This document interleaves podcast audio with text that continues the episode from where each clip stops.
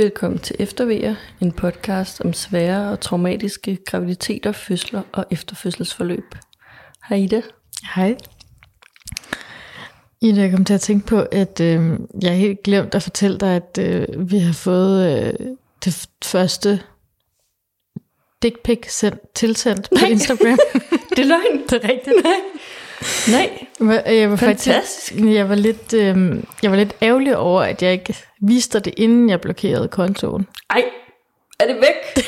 Nej, det mener du ikke. Ja, det var faktisk Nej. fuld af fortrydelse lige efter. Ej, du kunne da godt lige have screenshottet det. Ja.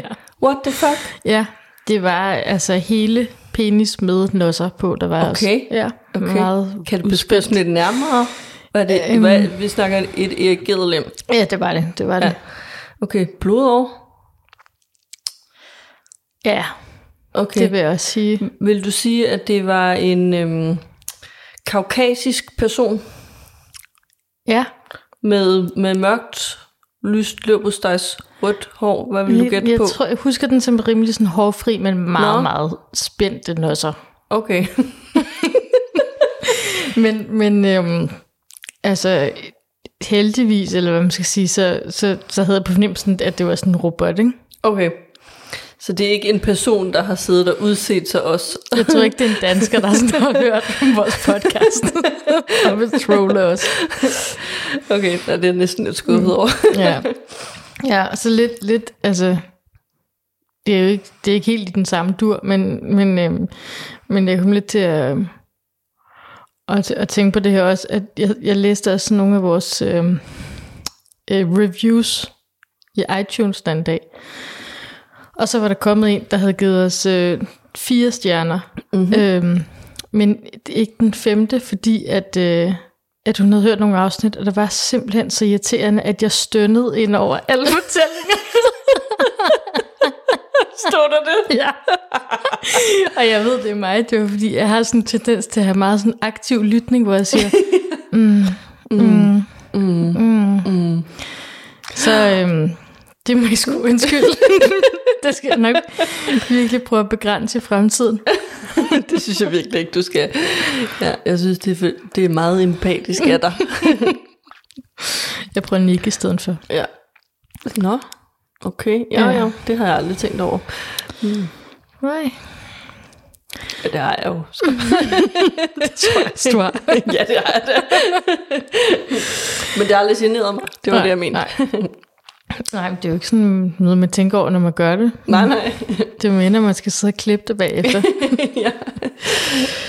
Øh, så kan vi jo også, inden vi går videre til dagens afsnit, så kan vi jo, øh, vil jeg i hvert fald gerne lige igen reklamere for, at øh, vi jo øh, følger din graviditet tæt i nogle, en række særafsnit i, på Patreon. Mm-hmm. Og øh, altså, i dag har vi den 5. juli, så det her afsnit bliver først sendt efter sommerferien, men øh, vi har en aftale om, at vi skal optage nummer to af graviditetsafsnittene øh, lige her om snart.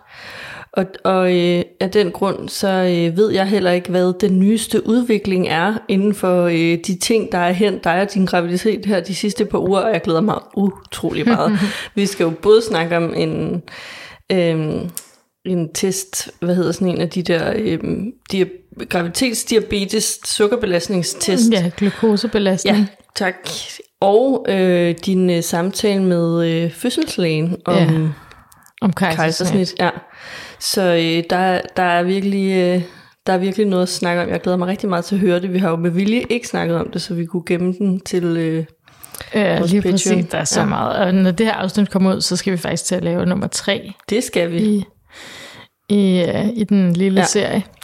Så er der sket endnu mere. Ja. Så øh, hvis I vil høre med på det, så skal I gå ind på øh, www.com-eftervær. Yes. Yes. Og nu skal vi måske fortælle lidt om dagens afsnit. Ja. I dagens afsnit har vi besøg af Iben, som fortæller om hendes øh, graviditets- og fødsel og efterfødselsforløb, øhm, som var præget af, at hun fik en kraftdiagnose, da hun var lige omkring 29 uger henne i sin graviditet. Øhm, og hun fortæller om hele det forløb, øhm, og hvordan hun må få for tidligt planlagt kejsersnit i uge 33, og, og hele efterforløbet, hvor hun får ekstremt intensiv kemobehandling. Og en operation, som også øh, er ret hardcore. Mm. Ja. God lyttelyst.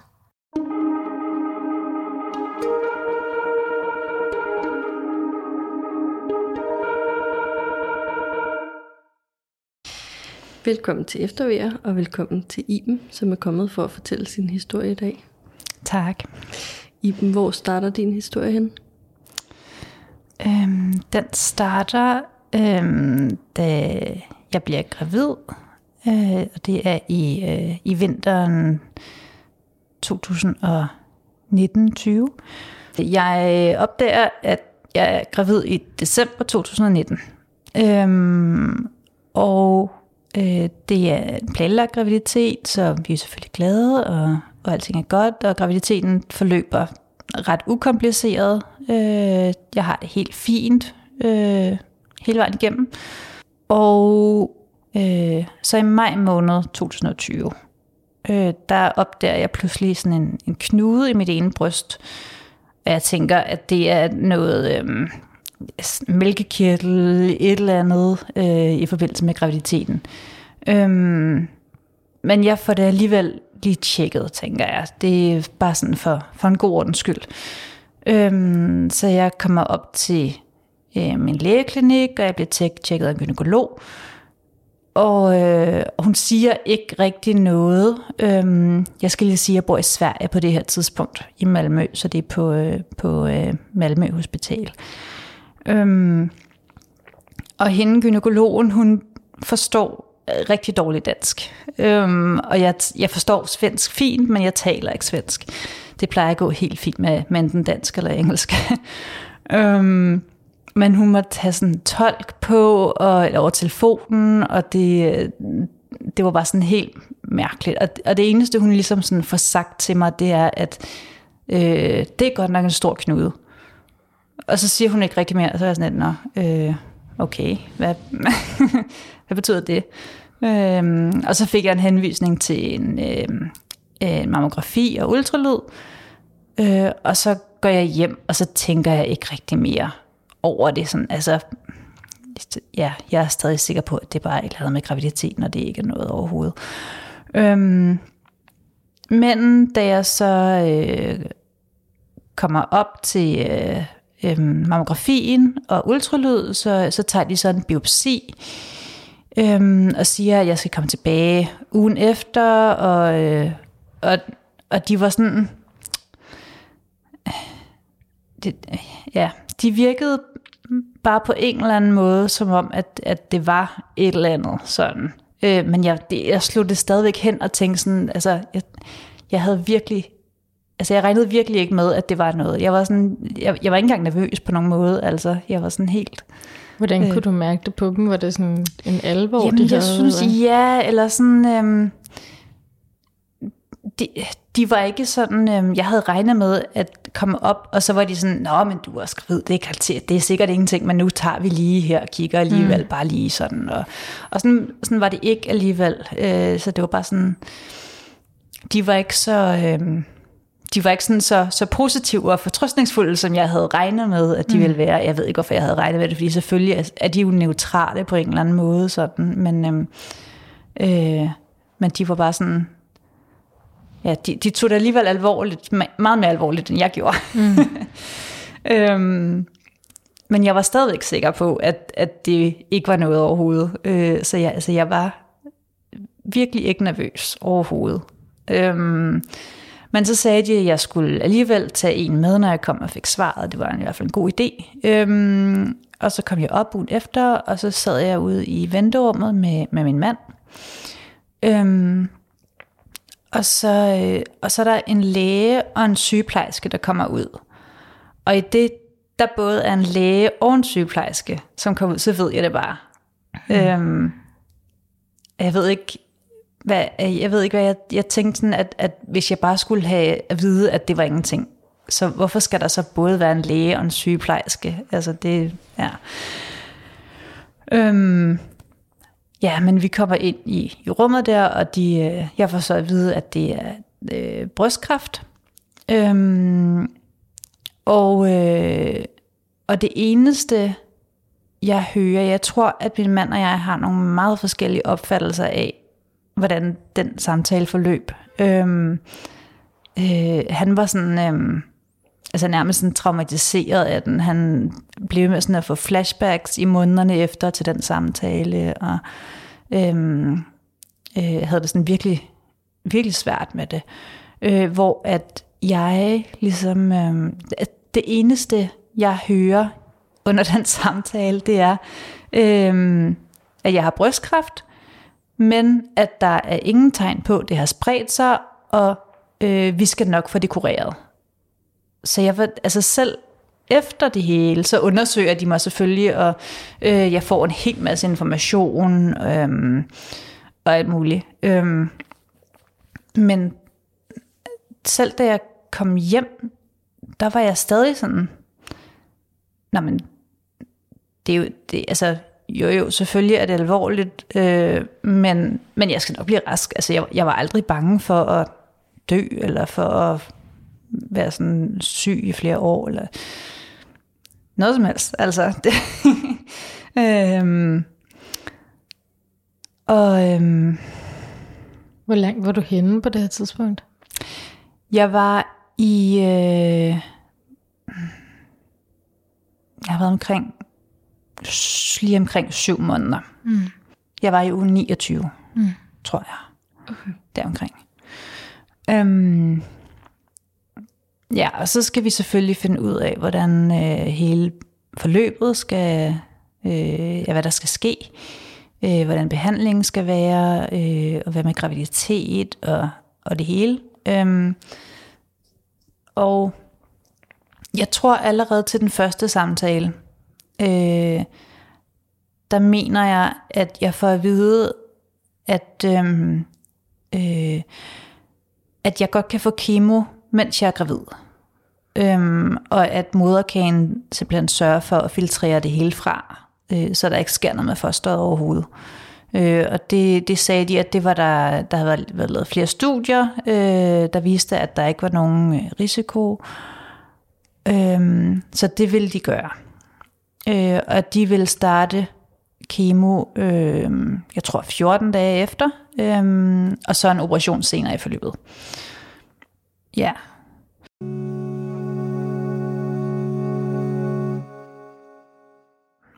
Jeg kommer hjem fra den første samtale, hvor jeg har fået diagnosen. Øhm, og jeg skal selvfølgelig lige sådan tyk på det hele. Øh, jeg tror, jeg tror, vi, jeg tror, vi går ud, eller sådan, ja, vi går en tur og drikker en kop kaffe på en café, og, og sådan, bare sådan, øhm, øh, og jeg har en, øh, jeg har en psykolog i forvejen, øhm, og jeg havde snakket med en dagen før og sagt, at jeg skulle have den her øh, samtale. Øh, øh, og så sagde hun, at hun ville ringe øh, om eftermiddagen for at høre, hvordan det var gået, og hun ringer, øh, og jeg fortæller, at det var brystkræft, og øh, hun er sådan ligesom den første, der får det at vide. Øh, og øh, jeg får snakket lidt med hende, og det er meget fint. Øhm, og jeg, jeg jeg har det sådan lidt sådan, øh, jeg er ikke sådan voldsomt ked af det, eller jeg er sådan lidt distanceret fra det på en eller anden måde. Øh, og sådan, det er stadig meget fortrøstningsfuldt i forhold til, at det, det, det skal vi nok klare. Øh,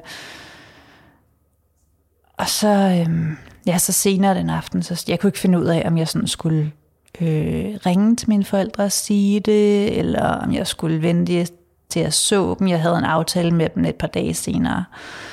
Øhm, jeg beslutter mig så for at ringe og sige, at jeg vil gerne bare have det ud, og jeg tænkte, de vil, vil sikkert gerne have, have det at vide også. Øh, øh, så det gør jeg, og, øh, og de, tager det, de tager det pænt. Øh, sådan i hvert fald over for mig. Øh, og jeg, jeg ringer til en rigtig god veninde, jeg har, og fortæller det. Øh, og så uddelegerer jeg sådan lidt til dem øh, og, og få det fortalt videre, fordi jeg kan ikke overskue at sige det til folk. Øh, det, det bliver meget sådan noget med, at øh, jeg er i hvert fald bange for, at det vil blive sådan noget med, at så skulle jeg sidde og trøste mm. folk, og sådan noget. Det, mm. det orker man ikke helt sådan. Øhm, og de spørger, hvor gammel er du selv på det her tidspunkt? Jeg er 36. Okay. Eller det er min 36 års fødselsdag, øh, der sådan er, kommer. Ja. Øhm, og ja, så, så mine forældre tæller, fortæller det videre til, til resten af min familie, mine brødre og øhm, mormor og, og alle mostre og onkler og sådan noget. Øhm, og min mand fortæller det til nogle af vores fælles venner og, og sådan. Øhm, og så er det, jeg tænker, at jeg vil rigtig gerne bare have set så mange som muligt, inden øh, jeg skal til at være rigtig syg af kemo.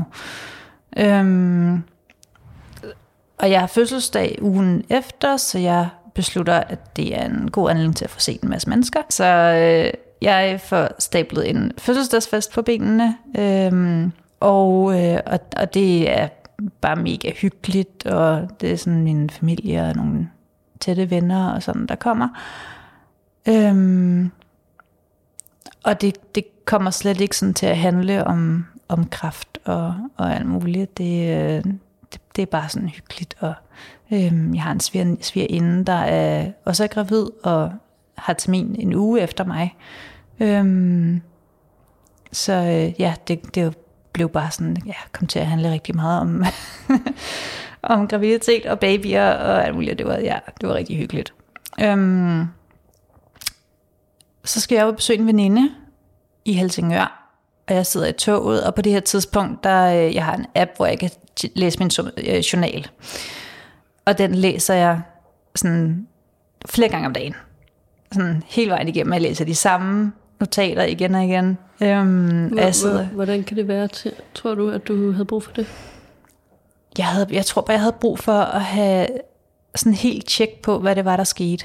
Øh, og øh, være sikker på, øh, hvad, hvad det var, de besluttede, og, og jeg kunne se sådan ind imellem, så, så kom der, øh, kom der nogle nye notater mm. op fra de samtaler, ja. jeg havde haft. Og jeg, jeg kunne godt lide at ligesom have styr på alle de steder, jeg havde været i kontakt med, fordi at det alligevel det er rigtig mange forskellige steder på et hospital, man er i kontakt med. Mm. Øhm, det var jo både i forhold til graviditet og fødsel, og i forhold til øhm, det var altså onkologisk afdeling, og øhm, øh, brystkirurgien, og øhm, der, der var bare rigtig mange. Øh, og så min egen læge, og øhm, ja, og, og øh, jeg havde også en psykiater, og jeg havde en øh, psykolog, og altså, der var, ja, der, der var, var bare så mange at holde styr på. Mm. Øhm, og jeg var sådan helt overvældet af, af alle de ting, jeg var blevet indkaldt til.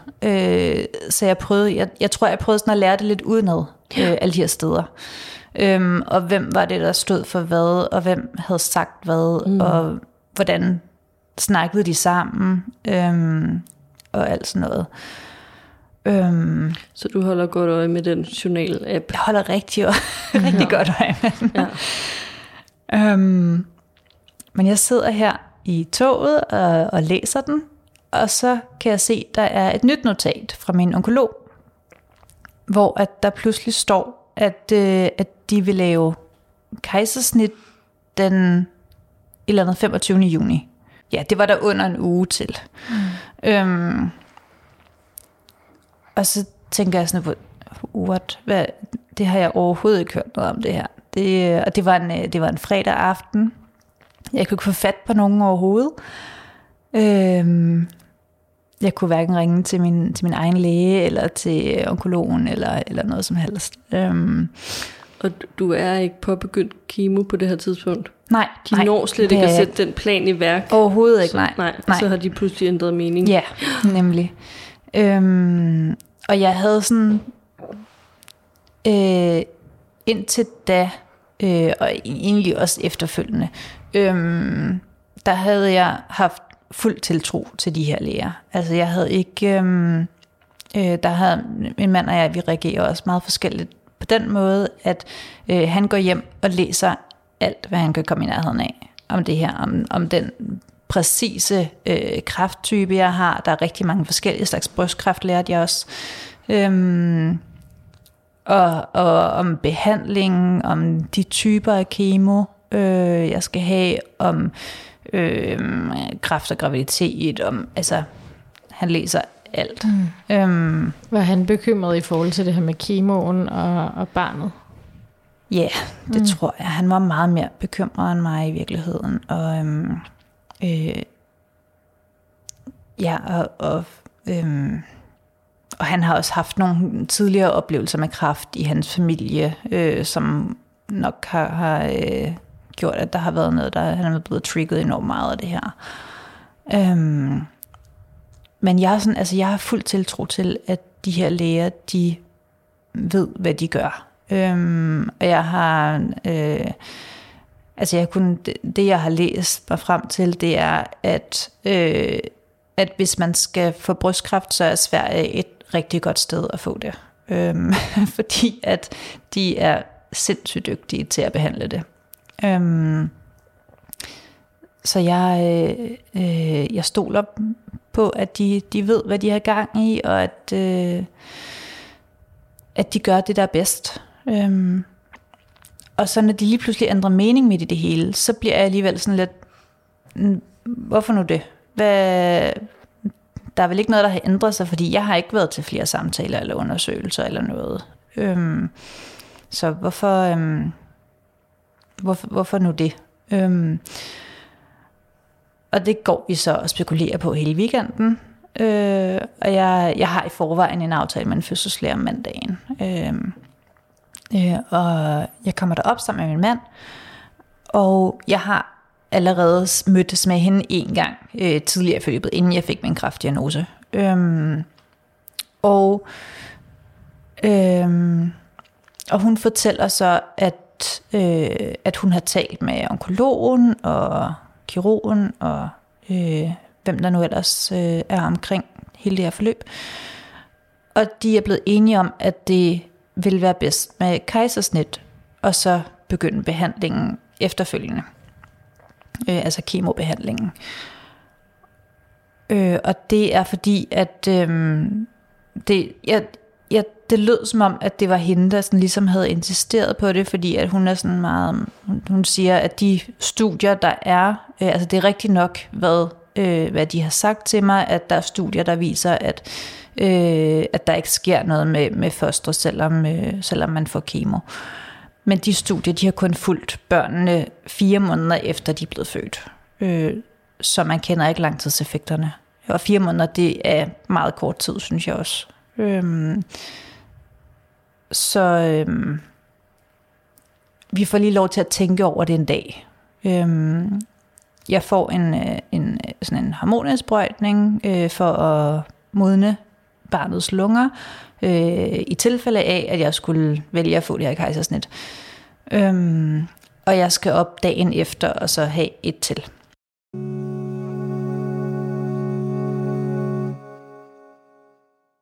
Øh, så vi får lige de der 24 timer til at, tykke på det, øh, og overveje, hvad vi, øh, hvad vi vil. Og jeg er sådan... Jeg, først så taler jeg med min onkolog. Øhm, jeg tror, jeg havde en aftale med onkologen samme dag lige bagefter. Øhm, og øh, jeg snakker med ham, og jeg prøver sådan lidt at overtale ham til, om vi kan vente nogle uger med at starte kemoen, øh, fordi jeg kunne rigtig godt tænke mig at komme hen til i hvert fald uge 35, hvor at, øh, barnets lunger er, er modne ordentligt, og, øh, Øh, og måske ville det kunne øh, spise selv og, og sådan på det Fordi tidspunkt. du er kun i uge 33 her. Ja, nemlig jeg er i uge 33 her. Øhm, men han er øh, meget insisterende på, at vi skal starte kemo nu. Øhm, og, øh, og, og ja, det, det må jeg jo så øh, acceptere, at når, når han insisterer så meget, så, så er det nok en god idé. Øhm, så jeg, øh, jeg beslutter mig for at få det her kejsersnit. Øhm, og så går jeg i gang med, skal jeg i gang med kemo en uge efter, eller fem dage efter, eller sådan noget. Øhm, og ja, ja, så altså, er der jo tusind spørgsmål omkring, med, altså hvad sådan nogle, en baby født i u 33, hvad, hvad man kan forvente, og skal vi være indlagt i lang tid, øh, skal, ja, alle mulige ting, ikke? Og øh, hvad med amning, og øh, alle mulige ting. Øhm, så øh, ja, det, det får vi snakket med, med fødselslægen om dagen efter, og, øhm, og hun er simpelthen bare så sød. Altså hun øh, viser os rundt på, på fødestuen og nede på neonatal, og jeg får lov til sådan at gå rundt og kigge, hvor alting er, og øhm, og så, øh, jo, og så, der er jo corona på det her tidspunkt, øh, så alt er jo lukket ned, og der er restriktioner, og, og det ene og det andet. Øh, også i Sverige, selvom det ikke var lige så meget som i Danmark, vist, men der var, der var alligevel en del. Øh, og en af de restriktioner, der er, er, at øh,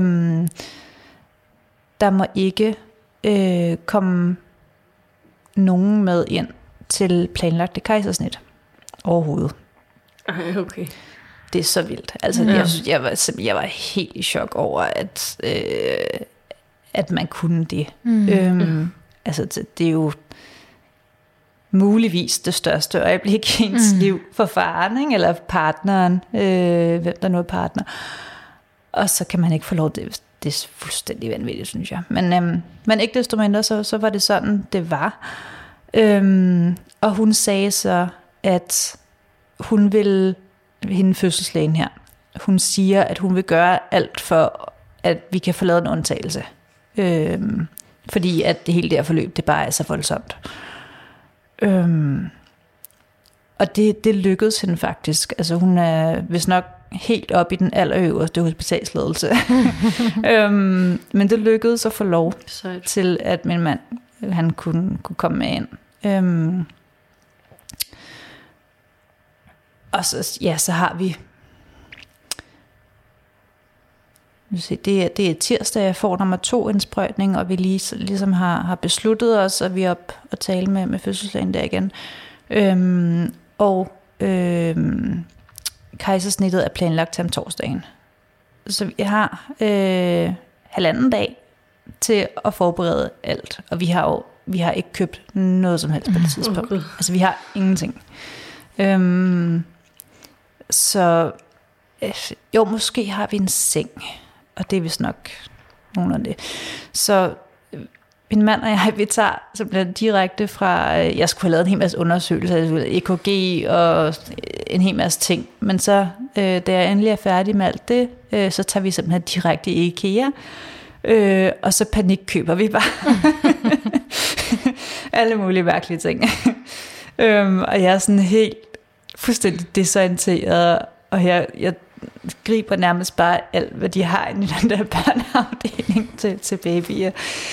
Øhm, og vi kommer hjem, og ja, og så altså min mor og min svigerinde og min bror, øh, som jo også er i gang med at forberede alle de her ting, øh, de hjælper med at, at få købt alt det, man har brug for, fordi nu, de havde heldigvis nogenlunde tjek på, hvad man havde brug for. Øh, så de får simpelthen bare købt alting ind og får læsset ind i en bil, og mine forældre kommer over. Øhm, så vi har sådan det, det mest nødvendige i hvert fald. Øh, og det er sådan helt stress. Og, ja, der er alt muligt inde i. Altså, der skal gøres plads og rykkes rundt på alt muligt inde i soveværelset. Og, og, ja, Øhm, så det var sådan to meget hektiske dage, vi havde der. Øhm, så bliver det torsdag, øh, og jeg skal være, jeg, jeg tror vi skal være inde på, øh, på hospitalet klokken tidligere om morgenen, øhm, ved 8 tiden eller sådan noget. Øhm, og vi kommer så ind og ligger på øh, en stue, hvor der er en anden kvinde også, der skal have kejsersnit. Øhm, og hun, der er sådan en skillevæg imellem vores senge. Øhm, og hun, hun har selvfølgelig ikke fået lov til at få nogen mad ind til det kejsersnit, og hun er, hun er så bange. Altså hun er virkelig, virkelig, virkelig bange. Øhm, og hun ligger og ringer til, til sin mand og siger, at øh, øh, øh, hun, hun, taler, øh, hun taler farsi, øh, og min mand er også iraner, så han forstår, hvad hun siger. Øh, og hun siger, at øh, jamen, der er det hende, den anden, hun har fået lov til at få sin mand med, og hvorfor må jeg ikke? Og, og, sådan, og hun skændes med læger og sygeplejersker, og de siger, at det, der er specielle omstændigheder, og de kunne ikke gøre noget. Og altså, ej, jeg havde det simpelthen så dårligt mm. over, at, at hun bare skulle ligge der. Mm. Øhm, og det var, det var alligevel en del timer, vi lå der, synes jeg, mens jeg øh, øh, ligesom fik lagt drop og kateter og, og alle de her ting. Øhm, ja, og så øh, vi kommer op på operationsstuen, og, og jeg får lavet kejsersnit, og, øhm, og det går rigtig godt. Øh, der er ingen problemer overhovedet, og øh, øh, anestesilægen, som, øh, som jeg også har, har mødtes med nogle gange øh, i løbet af de sidste par dage, øh, hun, er også, hun er så sød også, og sådan virkelig, øh, ja, de er bare så søde alle sammen, altså helt vildt. Og, øh, og jeg kan jo mærke, at der bliver hævet og flået, øh, og der sker ting og sager. Og så lige pludselig så kan jeg høre en, en lyd, som ikke lyder som et voksen menneske, tænker jeg. Øh, og så spørger jeg sådan, er, er det babyen? Og lægen siger, altså anestesilægen siger sådan, ja, og øh, det ser helt perfekt ud, og der er ikke noget overhovedet, og, øh, øh, og hun kommer op og får lov til at ligge lidt hos mig, lige et, et øjeblik, og så skal hun jo ind og, og øh, tjekkes igennem og have øh, alt muligt øh, udstyr på. Øhm, øhm, og øh, ja, og det, det hele det går bare rigtig fint altså. Øhm, så vil de køre mig ned på opvågningsstuen, og, øh, og babyen, en, en pige fandt vi ud af. Øhm, det vidste vi ikke i forvejen nemlig. Øhm, hun ligger stadig og, og øh, får sat, øh, hvad hedder den der? Øh, CPAP. Ja, CPAP, og, øh, men også... Øh, Sonde. Sonde, det var det, jeg ledte efter. Øh, ja, hun skal have CPAP og sonde og, og alle mulige ting. Øhm, og, og jeg er sådan, men, men hun er her stadig. Hvorfor, hvorfor skal jeg så køres ud nu? Hvad, hvad, hvad er meningen med det? Øhm, og jeg får så lov til at, at blive indtil uh, babyen er helt klar til at øh, og så komme ned. Øhm, og hun skal ned på neonatal med det samme. Øh, så hun kan ikke komme med mig på opvågningen. Så vi bliver skilt her på det her tidspunkt. Øhm, og min mand går med hende ned på neonatal. Øhm, og jeg ligger op på opvågningen, og øh, jeg bliver ved med at at overbevise sygeplejerskerne om, at, at jeg godt kan bevæge benene nu, selvom det, det kunne jeg åbenlyst overhovedet ikke, og jeg blev med at sige sådan, nej, jeg kan, prøv at se, min, min tog bevæger sig, det, jeg er okay nu, jeg kan godt gå. Øhm, og jeg får endelig lov til at komme derned, og det, det ja, det, det er bare rigtig fint. Og, Så blev du rullet derned? Jeg blev rullet derned, ja. Øhm, og der var jo ikke plads til øh, min seng derinde. Øh, det, var sådan, det var en stor stue, hvor der faktisk var plads til fire familier. Øh, hvor der bare var sådan nogle rulleskillevægge imellem. Øhm, og øhm, og der, der var ikke plads, så det, altså det var simpelthen øh, puslespil at, at få det hele til at øh, kunne være der. Øh, det lykkedes så heldigvis til sidst. Øhm, og, øh, og ja, så, så ligger vi der hele dagen.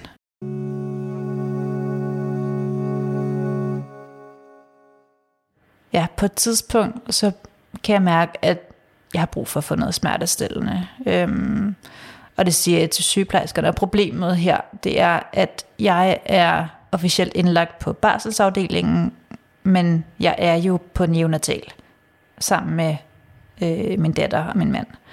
Øhm, så hver gang jeg skal have et eller andet, så skal jeg sige det til sygeplejersker på neonatal, som så skal sige det videre til sygeplejerskerne på barselsafdelingen. Øhm, og der gik bare kage i et eller andet med kommunikationen der. Øh, der gik i hvert fald mega lang tid, og så spørger jeg efter det igen. Øhm, og så kommer de tilbage og siger sådan, jo, men de har lige noget øh, vagtbytte hurtigt, de skal nok, de, jeg har meget snart. Og der gik bare mega lang tid, synes jeg, og jeg fik mere og mere ondt, og så til sidst siger jeg bare, prøv at høre, jeg skal bare, jeg skal have noget nu, øh, som i lige nu, så, så må du selv gå ud og finde noget. Jeg, jeg skal bare have et eller andet smertestillende lige nu.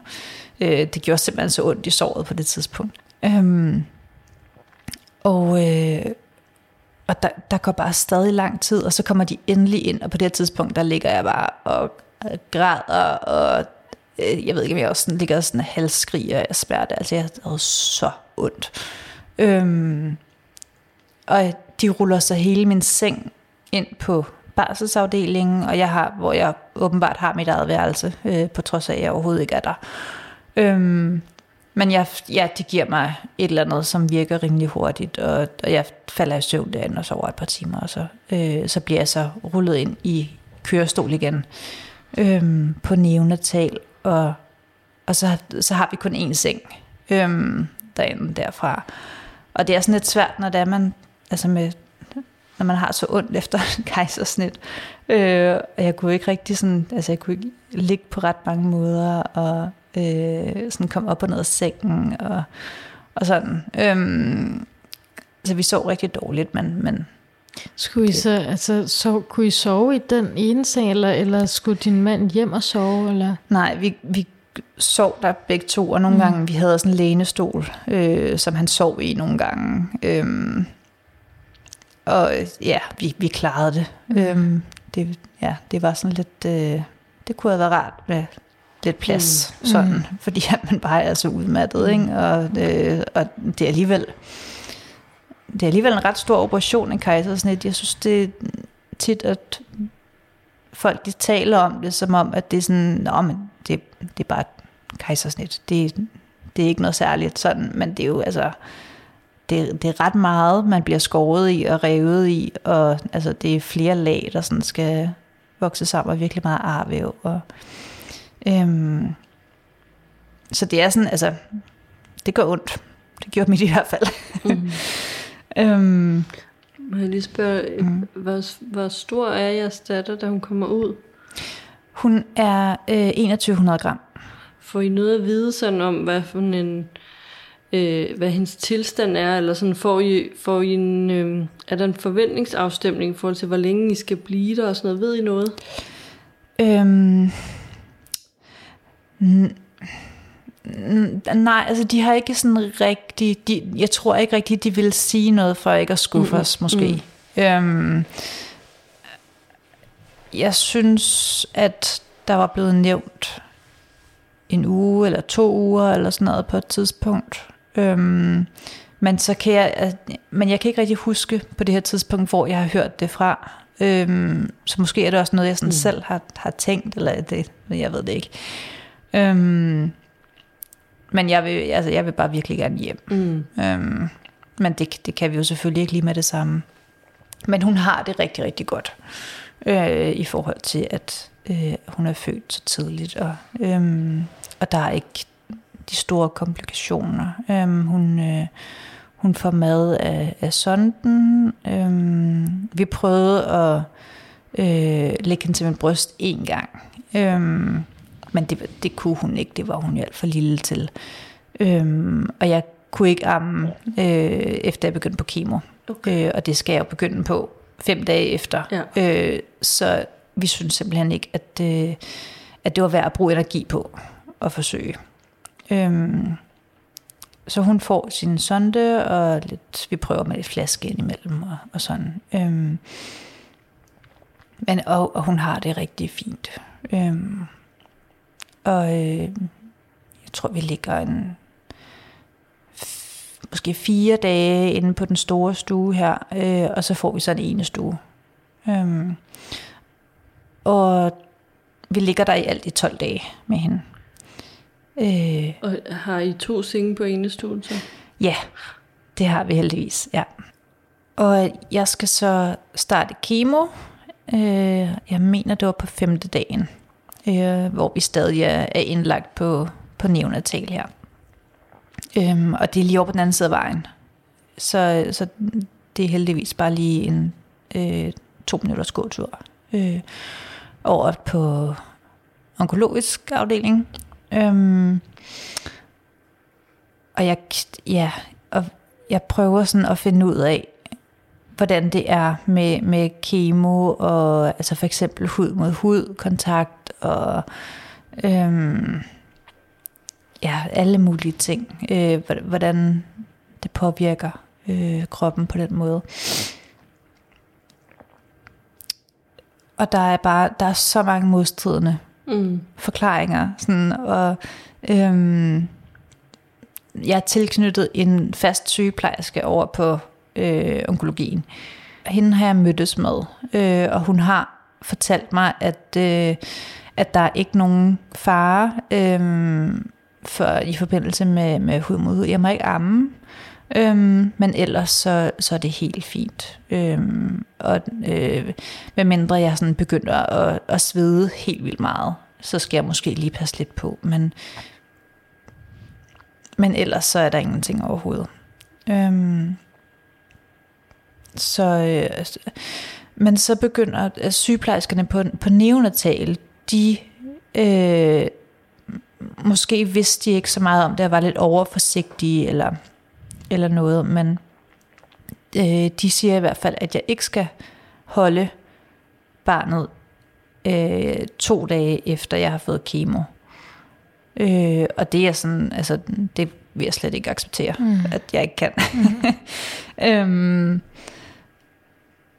og så, ja, og øhm, at de siger, at jeg skal passe på. Jo, jeg måtte heller ikke kysse hende, og jeg måtte ikke... Øh, øhm, ja, jeg skulle i det hele taget sådan være meget, meget forsigtig med, med fysisk kontakt på alle mulige måder. Og, og det, øh, ja, det forstod jeg bare ikke, når det var, at, at de havde sagt noget helt andet over på onkologi, som og jeg tænkte sådan, at de må vide noget om det. Øhm, så jeg, jeg ringer derover og taler med min sygeplejerske, og, og hun siger så, at, øh, øh at der, der er ikke noget at være bange for, jeg skal bare holde mit barn, og der er ikke det, det skal jeg bare gøre, at kysse hende, hvad, hvad jeg nu har lyst til. Øhm, og hun ringer så over til øh, sygeplejerskerne på neonatal og taler med dem. Øhm, og på det her tidspunkt, der er jeg bare sådan helt... Øh, de, altså, jeg føler ligesom, at jeg, øh, jeg sådan er, er giftig mm. for mit eget barn. Mm. Øhm, og det er bare det er en enormt ubehagelig øh, følelse at have. Mm. øhm, og øhm, de har en socialrådgiver ansat øhm, inde på neonatal, som jeg kommer ind og taler med, og, og hun, øh, øh, hun er bare hun, hun er super god til sådan at øh, øh, hjælpe med sådan ligesom at få skabt noget overblik for mig. Øhm, og, øh, og sådan organisere det hele. Det hele det er bare så kaotisk op i mit mm. hoved på det her tidspunkt. Øhm, altså både det her med, at øhm, om, altså, hvad betyder det i forhold til mit baby, og, og også bare øhm, alle de millioner af aftaler, jeg mm. har øh, hele ugen, øh, mens jeg stadigvæk er indlagt faktisk. Mm. Og mens du lige har fået et barn. ja, præcis. Øhm, og at, at den lange medicinliste, jeg har fået. Øhm, for det er ikke bare noget med, at jeg skal tage noget medicin hver dag. Det er, altså, det er alt muligt forskelligt, og forskellige mængder, jeg skal tage forskellige dage. Øh, så det er, sådan, det er enormt indviklet. øhm, så der, der er noget, nogle indsprøjtninger, øh, jeg skal tage for noget blodfortyndende øh, i forhold til i forbindelse med kejsersnittet, og så er der noget øh, for mit immunforsvar, som jeg skal tage øh, efter kemoen, der er nogle piller, jeg skal tage før, og der er nogle, jeg skal tage om morgenen, der er nogle, jeg skal tage en time før behandlingen starter, eller der er nogle, jeg skal tage noget, og så ændre antallet sig øh, hver dag. Og, øhm, Øh. Ja. øhm, plus at jeg skal have lavet en hel masse forskellige scanninger, og jeg skal have lagt øh, sådan en, øh, en, en pickline, som er sådan et øh, hvad sådan en intravenøs kateter, der ligger i min arm. Øhm, og så går hele vejen ind til mit hjerte. Øhm, og, og så er der sådan en ventil, og så får jeg øh, kemoen der, så de, skal ikke, altså, så de ikke skal prikke hul på mig hver eneste gang, og jeg ikke skal have det direkte ind i armen. Øhm, og det, det er faktisk det, jeg er mest nervøs for øh, første gang, jeg skal have lagt det der. Jeg synes, det lyder ekstremt ubehageligt, øh, og det skal bare sidde der i øh, det halve år, hvor jeg får kemo. Øh, det her kateter. Ja, og, og hende socialrådgiveren, hun hjælper mig bare med at, at få lavet et schema og få det få sådan overblik over det hele og, og få øh, det er også hende der hjælper mig med at få ringet over til min sygeplejerske og sådan ligesom få, få tjek på hvad der har været i forhold til det her med hud mod hud og, og alting øhm, Hvordan har du det, efter du får kemoen? efter jeg har fået kemoen der, altså fysisk der har jeg det helt fint jeg mærker slet ikke noget til det Mm. Øhm, men der er simpelthen så meget medicin, man får mod bivirkningerne. Øh, så jeg, jeg mærkede ingenting første gang overhovedet. Øhm, ingen kvalme, ingen træthed, ingen, ingen noget som helst. Øhm, så det var jo, altså, det var rart. Ja, så det var sådan mest sådan rent mentalt, at det var hårdt lige i starten. På den ene side, så var det jo enormt hårdt, ligesom at det kom på én gang.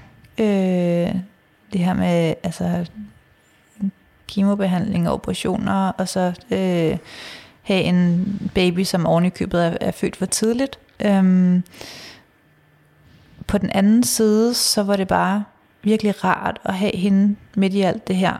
Mm. Fordi at det bare var, øh, altså det gjorde, at jeg kunne fokusere på hende, og øh, bare have noget virkelig rart derhjemme, som ligesom bare tog al den energi og opmærksomhed, jeg havde. Øh, så jeg ikke lå sådan og, og bare var øh, deprimeret og havde ondt af mig selv over at være syg. øhm, så det er jeg faktisk øh, virkelig glad for på en eller anden måde. Øhm, og også fordi, at man, øh, man går tit i sådan, øh, sådan en slags kunstig overgangsalder, øh, når man får kemo. Øhm, og det, det, nogle gange kommer man over det igen, og nogle gange gør man ikke. Så jeg ved jo ikke, om, øh, om det er muligt at få flere børn overhovedet. Øh, det ved jeg stadigvæk ikke.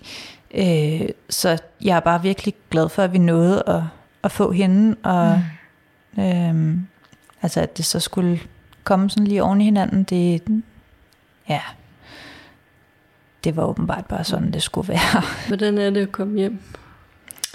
Det er virkelig dejligt. Øhm, vi, øh, der var en sygeplejerske, der kom ind på vores stue efter, jeg tror det var på dag 11 eller sådan noget. Øhm, og han siger så til os, at øh, øh, Carla, øh, som hun hedder, øh, vores datter, hun er sådan set klar til at komme hjem. Øhm, hun havde stadig sin sonde, men den, øh, vi havde fået instruktioner af, hvordan øh, vi skulle give hende mad i den. Så den kunne vi godt tage med hjem. Øhm, og hun var også rimelig god til at drikke af flaske på det her tidspunkt. Øhm, og det er vi jo selvfølgelig rigtig, rigtig glade for, men vi er alligevel sådan lidt sådan, puh, øh, tør vi det? kan vi finde ud af det? Og det er bare så dejligt at komme hjem. Øhm, og øh, Carla, hun øh, tager simpelthen sin, øh, sin sonde og hiver den ud selv, øh, da vi kommer hjem den første nat. Øhm, så den var hun færdig med, synes hun. Øhm, og så vi ringede ind og spurgte, om vi skulle komme ind og få den sat i igen, men, øh, men hun kunne faktisk drikke alle sine måltider fra flaske på det tidspunkt, så de sagde, at det var ikke nødvendigt. Hvis hun lige pludselig ikke ville længere, så kom ind, men ellers så, øhm, så er det fint.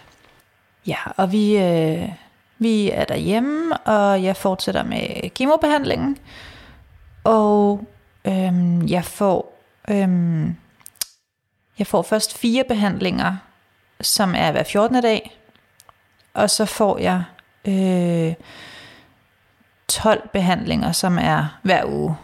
Øhm, hvor hver tredje uge, der får jeg øh, en ekstra dosis af noget andet. En anden slags kemo. Øhm, så det lyder hvad, virkelig hardcore. At ja, det, det er virkelig øh, det er en, øh, en voldsom omgang kemo. Ja. Mm. Og det er fordi, at den øhm, type af brystkræft, jeg har, det er en type, der hedder triple negativ. Øhm, og den responderer ikke på hormonbehandling, øhm, men til gengæld så responderer den rigtig godt på kemo. Øh, så de gik bare all in på kemo. Mm. Øhm, og så håbede de nemlig, at at, at knuden kunne øh, skrumpes så meget, at de kunne nøjes med at fjerne øh, knuden fra brystet, og ikke skulle fjerne hele brystet. Øhm, og der går, øhm, jeg tror det er gang nummer to, hvor at, øh, at håret begynder at ryge, og så vil jeg bare at, at trimme det helt. Øh, fordi at det var, for det første så var det enormt irriterende at gå og fælde så ekstremt meget hele tiden, og, og det gør også, øh, min hovedbund bliver sådan enormt øm, øh, så det gør, det gør faktisk sådan lidt ondt, når det, når det ryger af, sådan.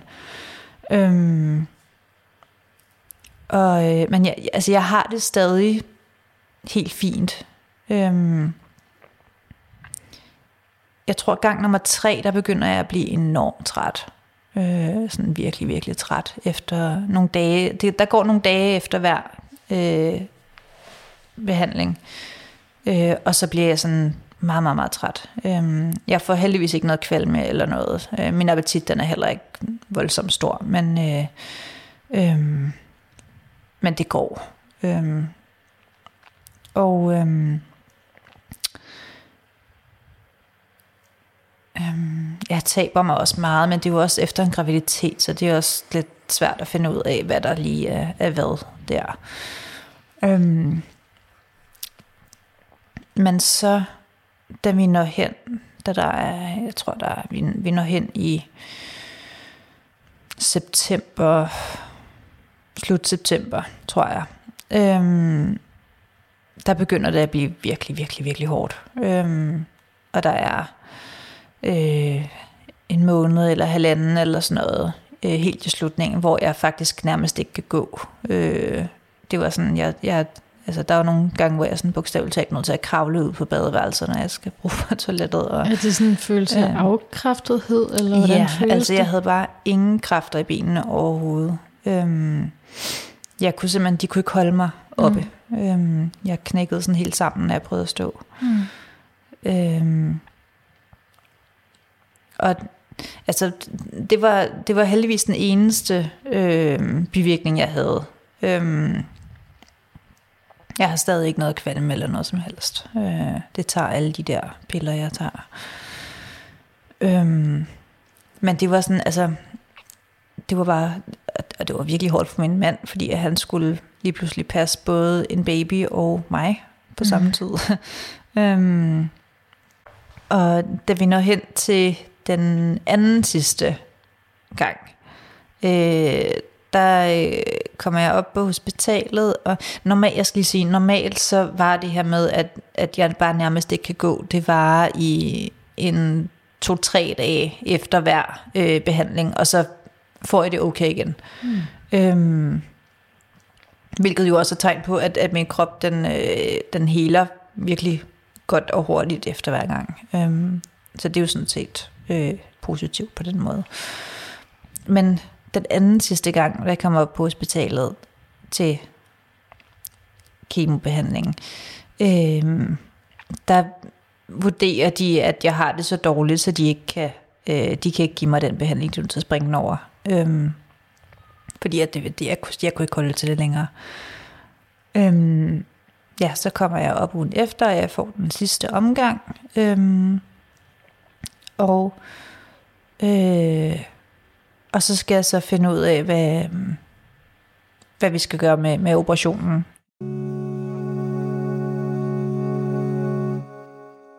Det, der var planen fra start af med, at jeg bare skulle have, have, have fjernet øh, det, der var tilbage af knuden, øh, det anbefalede de ikke alligevel, fordi at det viste sig, at jeg havde øh, det her, den her BRCA-genmutation, øhm, som gør, at der er rigtig, rigtig høj risiko for at få øh, brystkræft. Øhm, jeg tror, der er, det er noget med, at der er op mod 80% risiko for at få brystkræft, når man hold har op, den genmutation ja, i løbet af livet. Øhm, og der er også rigtig høj øh, risiko for at få æggestokkræft. Okay. Øhm, så de anbefaler, at, øh, at jeg får fjernet øh, begge bryster faktisk.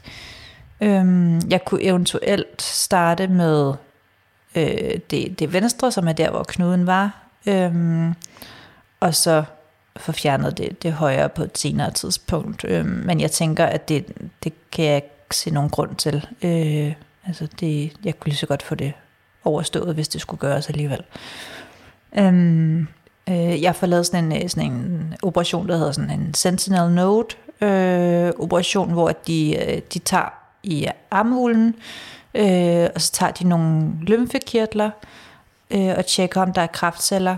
Øh, og hvis der ikke er det, så øh, er det et tegn på, at så er det et meget sikkert tegn på, at kræften ikke har spredt sig. Mm. Øhm, fordi det var der, den ville bevæge sig hen først, hvis det var. Øhm, og det gør de inden den anden operation. De gør det til det samme operation, men jeg fik lov til at få lavet den her først, fordi at når de så ikke kunne, når, når de kunne se, at der ikke var nogen kraftceller der, så betød det, at jeg ikke behøvede at få noget stråling. Øhm, og når jeg ikke behøvede at få stråling, så kunne de lave øh, en rekonstruktion samtidig med, at de lavede øh, den anden operation, okay. hvor de fjerner brysterne, og så laver rekonstruktionen samtidig øh, så jeg slap med en enkelt operation der. Øh, og det, det kunne jeg jo godt tænke mig, øh, at jeg ikke skulle ind, fordi at ellers så skal man, øh, hvis man skal have stråling, så skal man først have fjernet, og så får man stråling, og så skal man vente i et år, tror jeg, før man kan få lavet en rekonstruktion. Mm. Øh, så det får jeg gjort. Øh, og jeg ved ikke, om det, det er sådan lidt naivt på en eller anden måde, eller et eller andet, men jeg har sådan tænkt, at sådan, nå okay, men i det mindste så får jeg et par pæne bryster ud af det, der sådan ligesom bliver ved med at se ud på den måde, som de nu ser ud på. Hvad, hvad gør de til sådan en rekonstruktion? Øhm, jamen der tager de, først så tager de, og de skærer op øh, ned under brystet, øhm, og så fjerner de øh, alt brystvævet. Øhm, og tit så fjerner de også brystvorterne. Øhm, I mit tilfælde, der øh, sagde de, at, øhm, at jeg kunne godt øh, beholde brystvorterne, hvis jeg ville. Så ville de tage nogle celleprøver øhm, og sende ind. Og hvis der så viste sig, at der var kraftceller, så skulle jeg komme ind og få dem fjernet efterfølgende. Øhm, men øh, den chance tog jeg. Øhm, så jeg øh, beholdt mig. Der var heldigvis ikke nogen øh, kraftceller der, øh, så det, det, var, det gik fint. Øhm, men så tager de simpelthen og, og skraber alt brystvævet ud, og de har skrabet sådan så tæt på huden indvendigt, at jeg sådan faktisk har ar ud over det hele, fordi det sådan har næsten skrabet igennem. Mm. Øh, øhm, så der er sådan kommet rigtig meget arvæv øh, rundt omkring. Øhm, og så tager de og Øh, det er forskelligt, om de ligger implantaterne øh, oven på brystmusklerne eller under brystmusklerne. Øh, og i mit tilfælde, der har de lagt dem under brystmusklerne. øh, og jeg, jeg har faktisk glemt hvorfor. Øh, de forklarede, hvorfor at det var det bedste at gøre i mit tilfælde, men øh, ja, det har jeg simpelthen glemt igen. Ja, øh, og det er, øh, det er en ret stor og voldsom operation, mm, der gør rigtig sådan. ondt. Ja. Øh, det, det, det gør virkelig, virkelig ondt efterfølgende. Um, og um, øh, altså det her med, at, at brystmusklerne bliver strammet mm. så ekstremt meget, øh, og man kan, altså man kan ikke rigtig bevæge sig, man kan ikke, jeg, man har sådan nogle øh, dræn, der ligger øh, både over og under brystmusklerne for at øh, dræne alt det væske, som øh, som vil blive dannet. Øhm, så jeg går rundt med sådan nogle slanger, der stikker ud øh, mm. med sådan nogle store poser med væske. Øhm, øh, jeg tror, det øh, Jeg har i hvert fald stadig to af dem, da jeg kommer hjem. Øh, og der går nogle dage, inden jeg kan få fjernet dem alle sammen. Øhm, jeg er indlagt i fire dage. Øh, og Øhm, I de fire dage, igen på grund af corona, der må jeg ikke få noget besøg. Mm. så jeg må faktisk ikke se min datter i, i de fire dage der. Øhm, og hun er jo kun et halvt år der? Eller? Hun er fem måneder på ja. det tidspunkt, mm. ja. Øhm, og jeg får så overtalt øh, sygeplejerskerne til, at, øh, at jeg kan få lov til at blive kørt ned øh, i en kørestol, øh, og så kan min mand komme, øh, og så kan vi se hinanden sådan nede ved indgangen. Mm. Øhm, men det er, det er sådan, det er iskoldt at sidde dernede. Øh, jeg har det virkelig, virkelig dårligt. Øhm, så det blev, det blev bare en gang på de fire dage, øh, at det, det ligesom kunne, kunne lade sig gøre. Øhm, men det var, det var rigtig rart, at det kunne lade sig gøre i hvert fald den ene gang der, fordi jeg havde sådan forberedt mig på, at, øh, og jeg havde også forberedt mig på, at det skulle være indlagt i længere tid. Så de sagde, at det kunne være op til en uge. Mm. Øhm, ja. Hvornår får du resultatet at se? Øh, det gør jeg. Øhm, Jeg kan faktisk ikke helt huske. Altså det var mens jeg stadig var indlagt i hvert fald. Øhm, det har nok måske været dagen efter, eller sådan et eller andet. Øhm, jeg havde sådan en øh, sådan sportsbh-agtig øh, gase ting mm. på. Øhm, så det har nok været dagen efter, da, da de kom og tjekkede, hvordan det så ud det hele.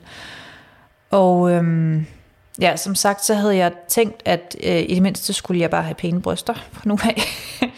øhm, og det er altså ikke tilfældet, når det er, at man får lavet sådan en, øh, en rekonstruktion efter brystkræft. Øh, det er overhovedet ikke det samme som øh, at få lavet sådan en, en kosmetisk operation. Øhm, jeg ved ikke, hvorfor jeg ikke har, altså det har jeg bare slet ikke tænkt over, at, øh, fordi at det er jo alt, alt det fedtvæv, der sidder det er jo det, der får det sådan til at se nogenlunde naturligt ud efter en kosmetisk operation. Hvor at jeg har jo bare to stenhårde implantater inden under øh, brystmuskler og hud, og ikke noget andet. Mm. Øhm, plus at, øh, at når implantaterne sidder inde under musklerne, så er det virkelig svært at, at få dem til at sidde sådan, altså helt præcist. Så det ene, det har sådan skubbet sig ret højt op i forhold til det andet. Øhm, så det, altså, det er fuldstændig asymmetrisk, øh, og jeg har de der, altså de er nogle virkelig voldsomme ar, øh, som er, hvad er de, 15-20 cm øh, lange, øh, og ja, jeg tror, de er næsten en centimeter mm. brede, øh, der sidder under, øh, og ret langt nede under hver bryst, og så de der sådan meget asymmetriske bryster mm. øh, med, med ar over det hele, fordi at de har skrabet sig så tæt på huden indenfra. Øhm, så det er sådan lidt noget andet, end jeg, der havde jeg lidt ønsket mig, at øh, plastikkirurgen, som jeg var oppe at tale med to-tre gange, tror jeg, havde, havde forberedt mig lidt bedre på, hvad det egentlig var. Sådan, mm. øhm, hvad jeg kunne forvente mig af det. Mm. Øhm, Blev du ked af det, da du så det? Ja, lidt. Altså, øh, at, ja, det, altså, det var ikke fordi, at jeg ville øh, have noget imod, hvis, altså, hvis man kunne se noget ar og, og alt sådan noget, når jeg altså øh, skidt med det. Men det er jo, altså, jeg synes bare, at man kan se det meget tydeligt, også når jeg har tøj på, at det overhovedet ikke ser symmetrisk ud, og at det sådan, øh, ja, ikke, ikke er særlig pænt.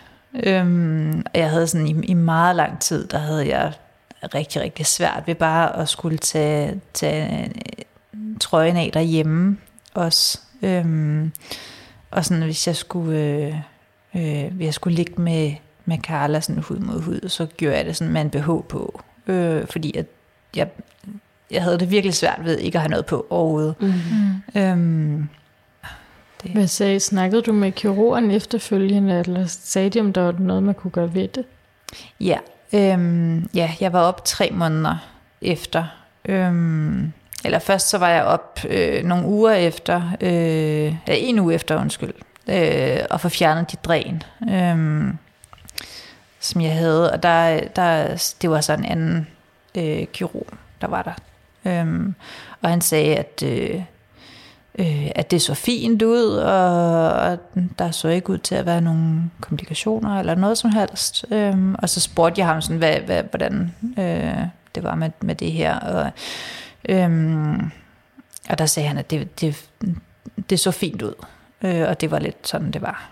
Øhm, og øhm, øhm, jo, mens jeg stadig var indlagt, der øh, øhm, havde jeg fået sådan en genoptræningsplan, øh, hvor at, øh, at de havde sagt, at jeg ligesom kunne prøve at trykke ned på det implantat, der var glædet op. Øhm, sådan trykke nedad øh, jeg tror det var et eller andet med 30 sekunder, øh, flere gange om dagen, øh, i nogle dage. Jeg tror måske 14 dage eller sådan noget, og så efter den, så, så lå det ligesom, hvor det lå. Øh, og det, det hjalp ingenting overhovedet. Mm. Øh, hvad hedder det? Øhm, så det var sådan lidt, lidt lige meget. Og da jeg så kom op tre måneder efter til øh, hende, øh, plastikkirurgen, jeg havde, øh, der havde opereret mig, øh, så sagde hun også, at hun kunne godt se, at det var øh, asymmetrisk. Øh, og øh, på det her tidspunkt, der havde vi besluttet at flytte til Danmark.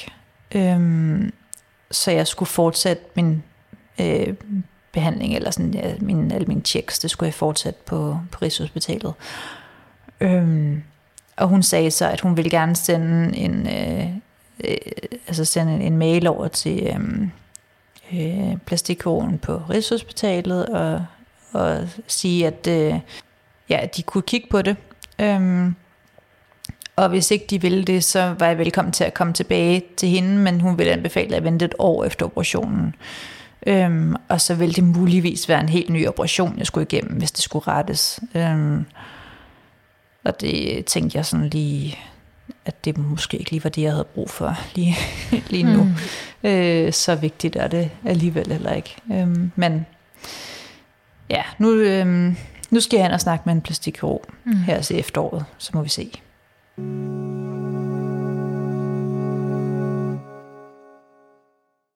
Der er rigtig mange, der siger, at når de begynder på kemo, så det værste, det de er mest bange for, det er at tabe håret. Øh, fordi at det bare er sådan en det er tit en meget stor del af ens identitet, og sådan meget sådan ens udseende, og sådan, det forandrer sig meget, når man ikke har noget hår. Øhm, men det var jeg egentlig aldrig sådan, øh, det, det generede mig aldrig rigtigt. Øhm, jeg havde en peruk, som jeg ikke gik med ret meget, øh, fordi den var også bare meget varm og ubehagelig og, og sådan. øhm, men Ja, så det her, øh, ja, jeg, jeg var lidt overrasket over, hvor, hvor meget det egentlig påvirkede mig, det her med, at, at det var, lige pludselig bare ikke var særlig kønt at se på, på sig selv øh, på samme måde som, ja, som før. Og at ens krop bare forandrer sig så meget, og at det sådan... Øh, også bare sådan, altså tanken om, at man har sådan nogle fremmedlemmer inde i kroppen på en eller anden måde, det er jo også bare sådan enormt ubehageligt, øhm, og noget jeg sådan virkelig, virkelig skulle vende mig til. Mm. Og stadig skal vende mig til. Øhm, men... Øhm, Hvordan med kræften? Var, var den helt væk bagefter så?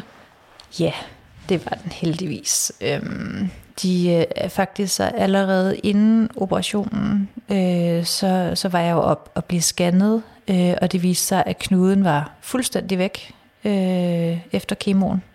Der var slet ikke noget tilbage overhovedet af den. Øhm, så, så det var kun på grund af den der genmutation, mm-hmm. at jeg mhm. faktisk skulle have, ja. skulle have lavet den operation alligevel.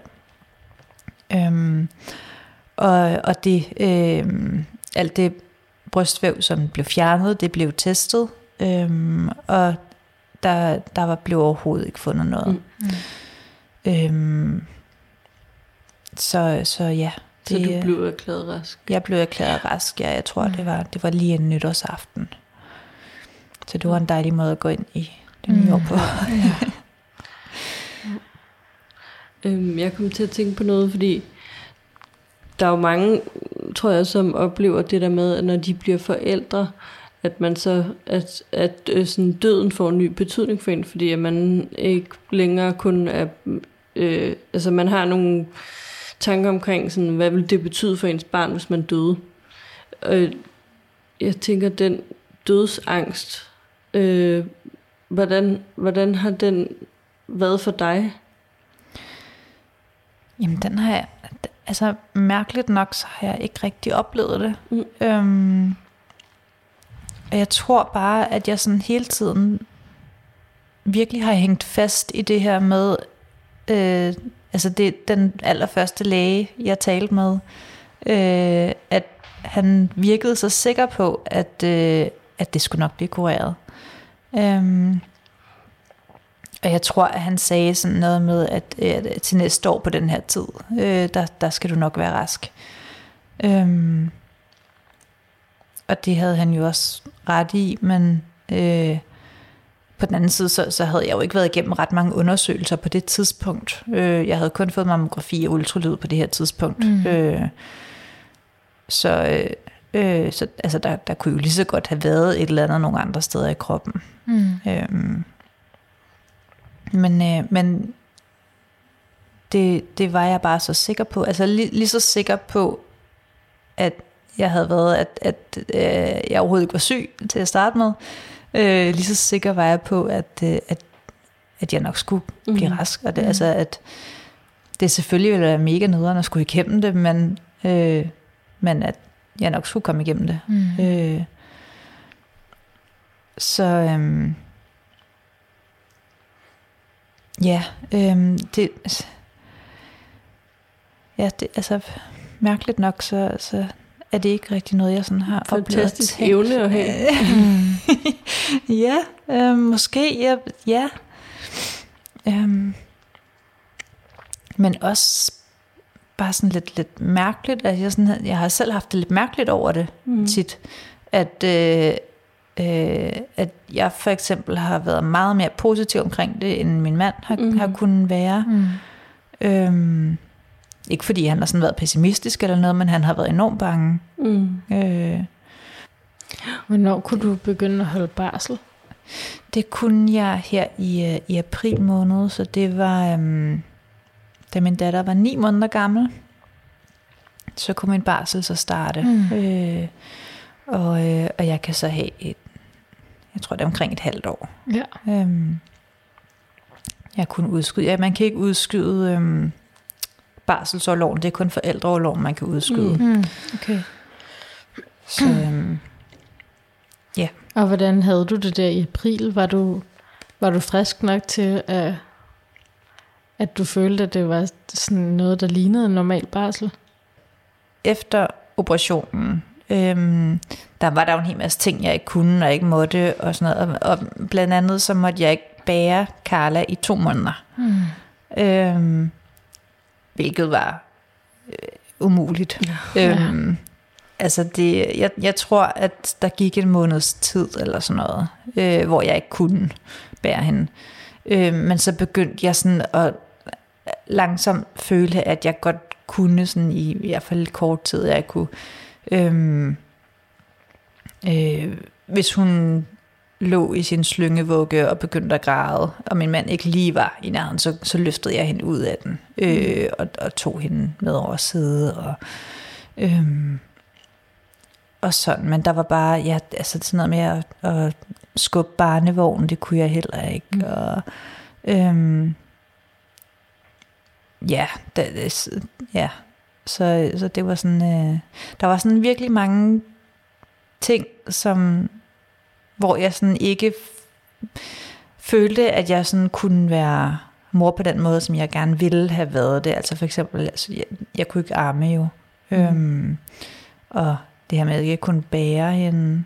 Øh, og også bare under kemoen, hvor jeg var så dårlig, og ikke kunne passe hende ordentligt. Øhm, og hvor at øh, jeg sådan helt jeg tror, det var især i starten, og så gik den følelse sådan lidt, lidt over i løbet af, øh, af det halve år her, men øh, hvor jeg bare sådan var virkelig bange for ikke at, at være en ordentlig mor. Mm. Sådan, der gjorde alle de ting, som en mor nu, altså det her sådan helt basale med at arme og bære sit barn. Mm. Øhm, der bare er, ja, virkelig bare noget af det mest basale, en mor skal kunne. Sådan, eller sådan, altså ikke eller sådan, den, den, hvad jeg, min idé om, hvad, mm. hvad jeg skulle kunne som en mor. Ikke? Øhm, men ja, altså så, min, min mand har været helt fantastisk hele vejen igennem, og, øh, og har været hjemme hele tiden, og, øh, og det har så, altså til gengæld så har det betydet, at, at han bare øh, har fået et rigtig, rigtig tæt forhold til, til Carla, øh, fordi at det har været ham, der har øh, nærmest været primær omsorgsperson i rigtig meget af tiden. Øhm, og jeg faktisk var, var hjemme, altså vi var hjemme begge to i næsten et år med hende. Øhm, og det, altså, det var jo, når det nu endelig skulle være, så, så var det i hvert fald dejligt, mm. øh, at, øh, at, at han kunne få sådan et tæt forhold til hende, og at hun har det. Altså hun har aldrig været sådan specielt morsyg, eller øhm, det har aldrig været et problem for ham at trøste i forhold til mm. mig, og, og sådan, mm. øhm, at få hende til at sove, og alle de her ting. Øhm, så det, det er virkelig rart. Tusind tak, fordi du ville dele din historie i dem. Det var så let. Du har lyttet til Eftervejer, en podcast om svære og traumatiske graviditeter, fødsler og efterfødselsforløb. Hvis du kan lide, hvad du hører og gerne vil støtte vores arbejde med podcasten, så gå ind på www.patreon.com-eftervejer og støt med et valgfrit beløb. Musikken i podcasten er produceret af mig, Kjærsin. Skrive til os på eftervejerpodcast.gmail.com